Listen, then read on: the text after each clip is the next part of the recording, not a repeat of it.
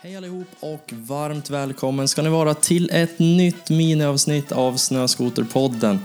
Det här avsnittet är lite speciellt för att det är faktiskt det sista miniavsnittet vi kommer släppa den här säsongen. Och det, ja, jag måste ändå säga att det känns lite vemodigt att inte få släppa några mer sådana här korta avsnitt. Jag tycker att det har varit superroligt och feedbacken jag har fått från er som lyssnar har också varit Alltså jag är, jag är överrumplad. Jag tycker att det är så roligt med alla ni som skriver och ni gillar konceptet. Och, nej, jag, jag är verkligen superglad. Så jag skulle vilja rikta ett stort tack till alla som har lyssnat på det här under, under hela säsongen. I det här avsnittet så ska vi prata om någonting som är högst aktuellt nu, om ni lyssnar på det nu när det släpps. Vi befinner oss alltså i juni månad och nu är det hög tid, om ni inte har gjort det, att börja tänka på sommarförvaring av din snöskoter.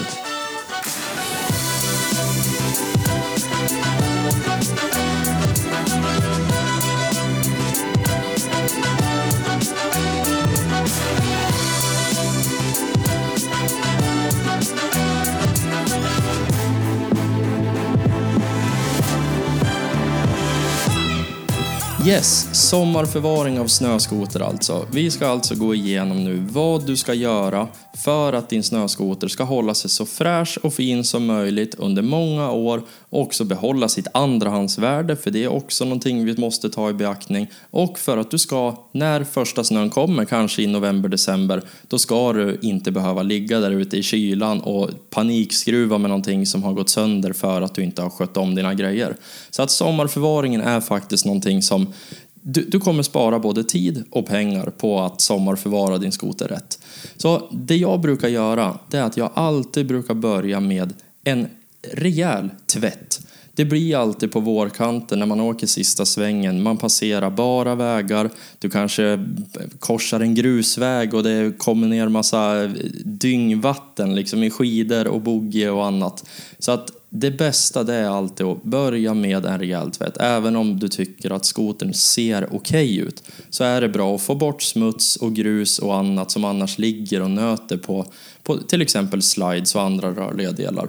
Så en eh, bra tvätt och då brukar man eh, normalt säga att den ska bestå av alkalisk avfettning för att få bort naturlig smuts. Sen ska den bestå av en eh, oljebaserad avfettning så du får bort onödiga oljefläckar. Eh, och sen så ska du givetvis schamponera den så att du får den här glansen i plasten. Så en, börja alltid med en helt vanlig tvätt. Direkt efter tvätten, då skulle jag rekommendera att du gör en allmän översyn av skotern. Så att när du står där, skotern är helt blank och fin, den är nytvättad, den känns liksom superfräsch. Kolla då igenom alla detaljer på skotern. Ryck lite grann i A-armar, kolla efter sprickor. Är det någon packbox på en dämpare som du ser läcker? Ja, men skriv upp sådana saker så att du vet i så fall vad som behöver inhandlas. Och också, kolla boggiskenor. Har du klarat en hel säsong utan sprickor? Hur ser mattan ut? Ser du att det är mycket kammar som har släppt exempelvis? Frontbåge, bakbåge plast. Alltså leta sprickor, leta fel så att ni vet vad som har gått sönder under säsongen. Och under sommarsäsongen är det ju ett gyllene tillfälle att byta ut sådana här saker. Det blir generellt så blir det inte billigare att vänta utan på sommarsäsongen så är det faktiskt så att många skoterbutiker de säljer ut vintergrejer för att de vill inte stå med det över sommaren. Så då kan det vara ett perfekt tillfälle för er att fynda och köpa de grejer som ni ändå hade behövt köpa till hösten.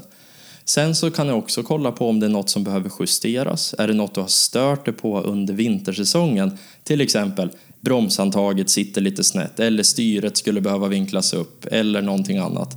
Passa på att justera sånt här.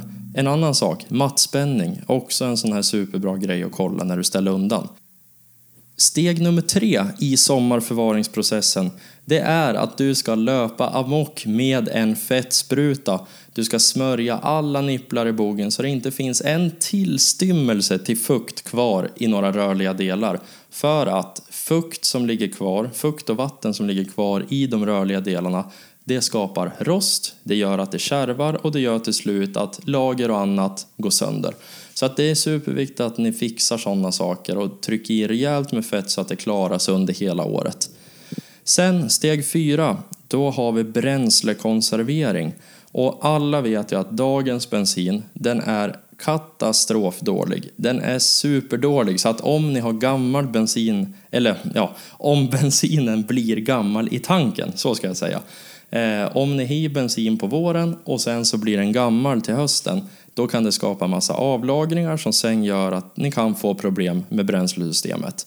Så min rekommendation här, det är att tanka fullt så att det inte finns utrymme för fukt i tanken. Alltså fyll upp bensin hela vägen upp. Sen häller ni oktanbooster eller en renodlad bränslekonservering för att då blir inte bensinen gammal. Ni får inte den här gamla avlagringarna och annat som annars kan hända om ni, om ni inte använder det här extra medlet.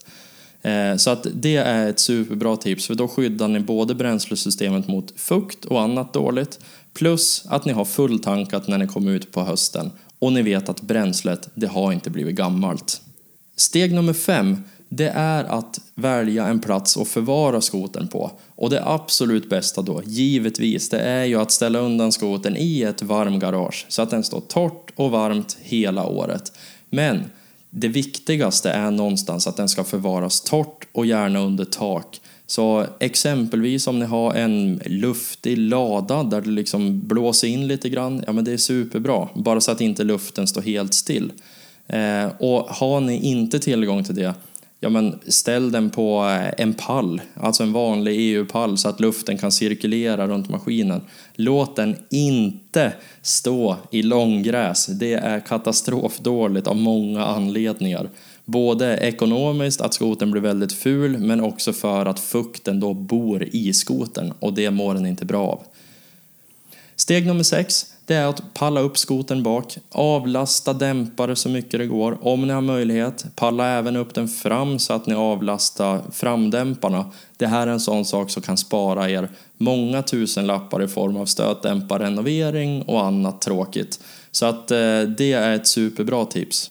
Och sist och slutligen, steg nummer sju. Dra på ett förvaringskapell så den håller sig sådär ren och fin som när du ställde undan den. För tänk då, när ni har gjort allt det här, ni har liksom, ni har gått på den med fettspruta, ni har kollat igenom allting så att allt är schysst, ni kanske har putsat bort några oljefläckar, ni har tvättat den, ni har gjort den superfin. Det är skittråkigt om man tar fram den då på hösten och sen är den tokdammig. Så att kapellet, det är så här, förvara den inomhus? Nej, det kanske inte är supernödvändigt egentligen. Men just för damm och annat tråkigt så är det jättebra grej med kapell. Så tänk på det. Det är sådana saker som ändå gör skillnad i det långa loppet. Framförallt om ni har skotern i några år så är det, är det superbra att tänka på allt det här. Så, det var allt jag hade att säga idag. Tusen tack för att ni har lyssnat och hoppas att ni antingen har lärt er någonting eller tyckte det var underhållande åtminstone. Eller kanske både och. Och jag skulle också vilja säga ett stort tack till alla er som har lyssnat genom hela säsongen och jag hoppas verkligen att vi hörs igen nästa säsong. Tack så länge, vi hörs igen i nästa avsnitt. Hej!